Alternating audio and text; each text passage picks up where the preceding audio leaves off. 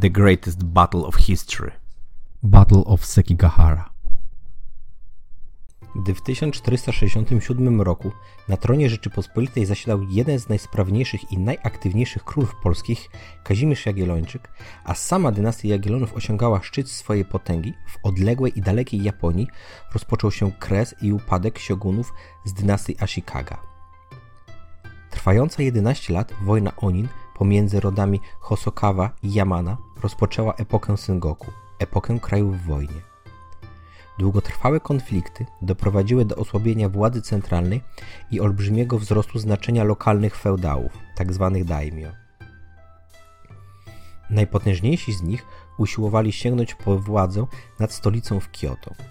Pierwszy z daimyo, któremu się to udało, był Oda Nobunaga. Nie należał on do najpotężniejszych feudałów Japonii, a swe pierwsze zwycięstwo w 560 roku odniósł stojąc na czele dwutysięcznej armii, walcząc w wąwozie Okenhazma przeciwko 24-tysięcznej armii Imagawy Yashimoto. Dzięki kolejnym zwycięstwom już w 1568 roku Oda Nobunaga osadził na tronie ostatniego sioguna z rodu Ashikaga, wymuszając jednocześnie, aby każda decyzja polityczna była z nim konsultowana. Jednak Oda Nobunaga nie zaznał spokoju. Ostatniemu z Ashikagów wcale nie uśmiechało się być marionetkowym władcą. Rozpoczął knowania, by odsunąć Odę od władzy. Jednocześnie przeciw Nobunadze opowiedzieli się fanatyczni buddyści mnisi z Hiezjen, którzy nie chcieli uznać jego władzy. W 1571 roku klasztory te zostały zdobyte i spalone. Tym samym roku siły Ody Nobunagi rozpoczęły oblężenie najpotężniejszej zakonnej twierdzy Shiyama, bronionej przez kilka tysięcy fanatycznych mnichów wyposażonych w broń palną.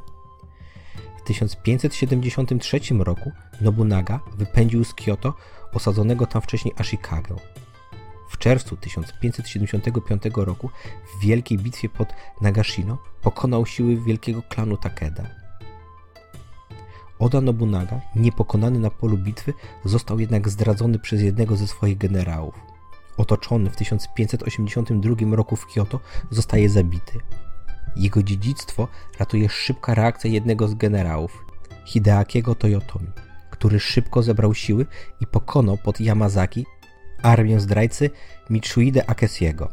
Hideashi następnie sprytnie rozgrywa konflikt pomiędzy synami Nobunagi i jednocześnie w 1584 roku w bitwie pod Shizugatake zwyciężył wojska Katsuine Shabaty.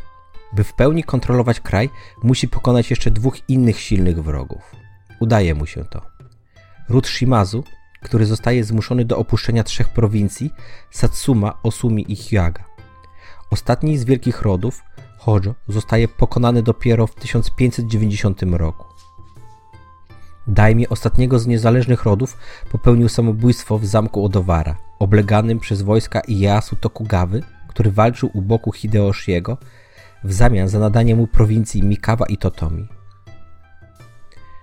Od tej chwili cała Japonia była kontrolowana przez Hideoshiego, ale jego ambicje na tym się nie skończyły.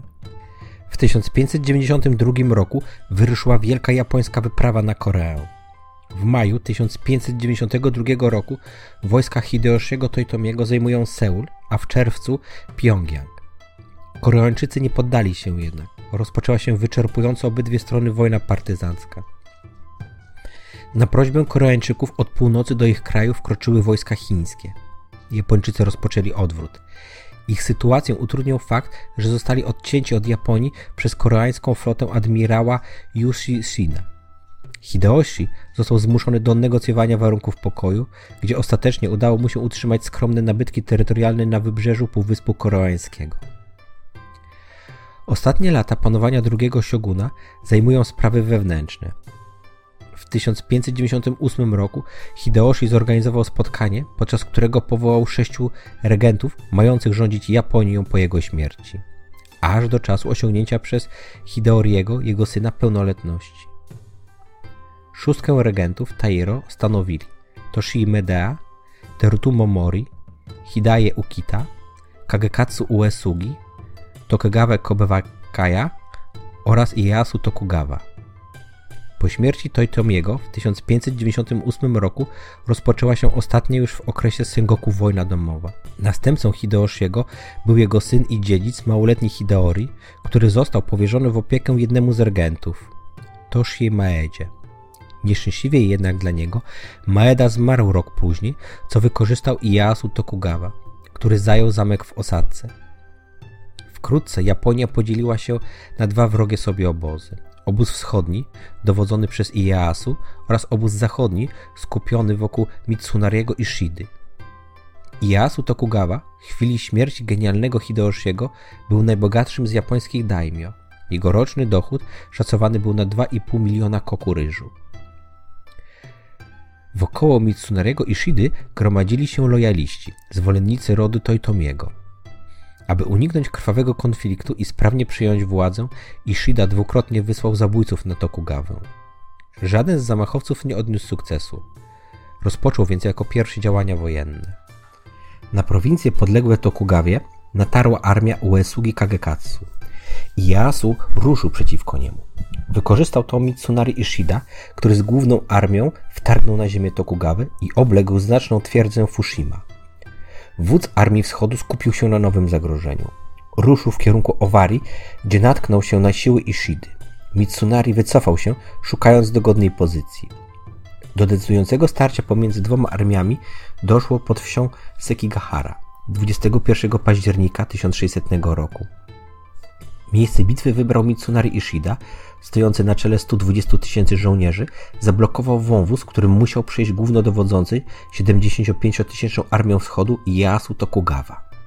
Na położonym na północy wzgórzu Sasano zajęły pozycję główne siły Ishidy.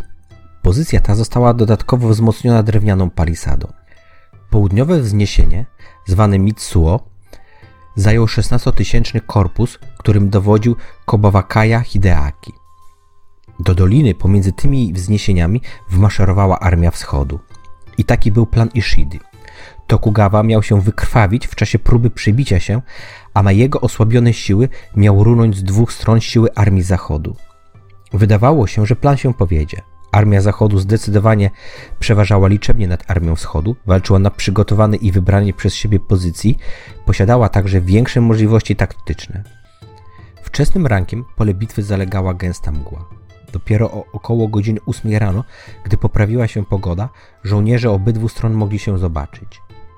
Pierwszy do natarcia ruszył rozlokowany w centrum mały oddział kawalerii Tokugawy. Atak tej formacji, zwanej Czerwonymi Diabłami, był tak szybki i niespodziewany, że udało się rozbić część środkowego ugrupowania Ishidy i dotrzeć aż do pozycji zajmowanych przez klan Shimazu.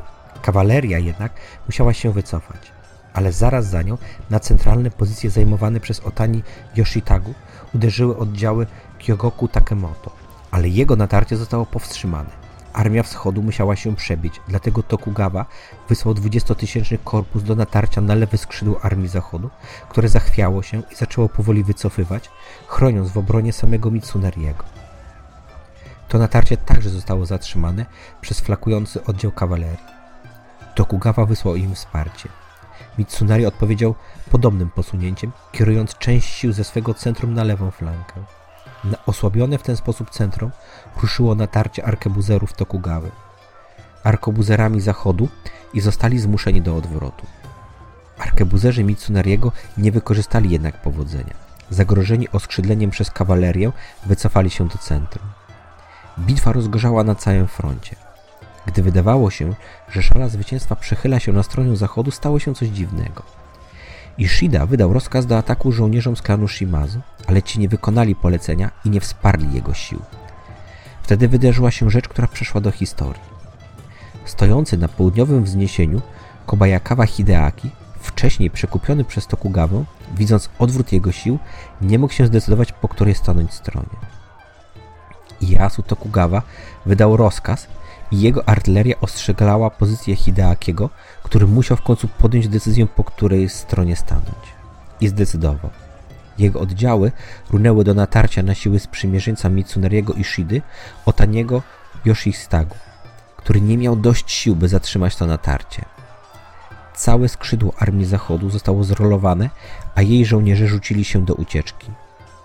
główne siły Ishidy zaczęły się chwiać. Tokugawa, widząc to, dał rozkaz do generalnego szturmu. Wydawać by się mogło, że wynik jest przesądzony, ale Mitsunari Ishida miał jeszcze jednego asa w rękawie. Oto daleko za oddziałami Hideakiego stały siły klanów Mori, Chosokabe i Kikigawa. Zaangażowane na lewej flance i w centrum siły Tokugawy nie miały dość sił, by walczyć z nowym wrogiem. Ich atak mógł odwrócić losy bitwy. Jednak stojący na czele tych sił Kikigawa odmówił wykonania rozkazu i nie pozwolił też na, na zaangażowanie się klanom Mori i Chosokabe w bitwę. Siły te nie zaangażowały się w walkę. Wkrótce centrum i prawa flanka armii Zachodu została otoczona i rozpoczęła się rzeź pokonanych. Większość dowódców Zachodu zginęła w walce lub została zamordowana później. Poległo około 40 tysięcy żołnierzy Mitsunariego. Tokugawa stracił około 5 tysięcy żołnierzy. Ieyasu Tokugawa przekuł zwycięstwo militarne w polityczne. Przez następne 200 lat, aż do restauracji Mei, jego ród panował nad Japonią, zapewniając jej pokój i dobrobyt.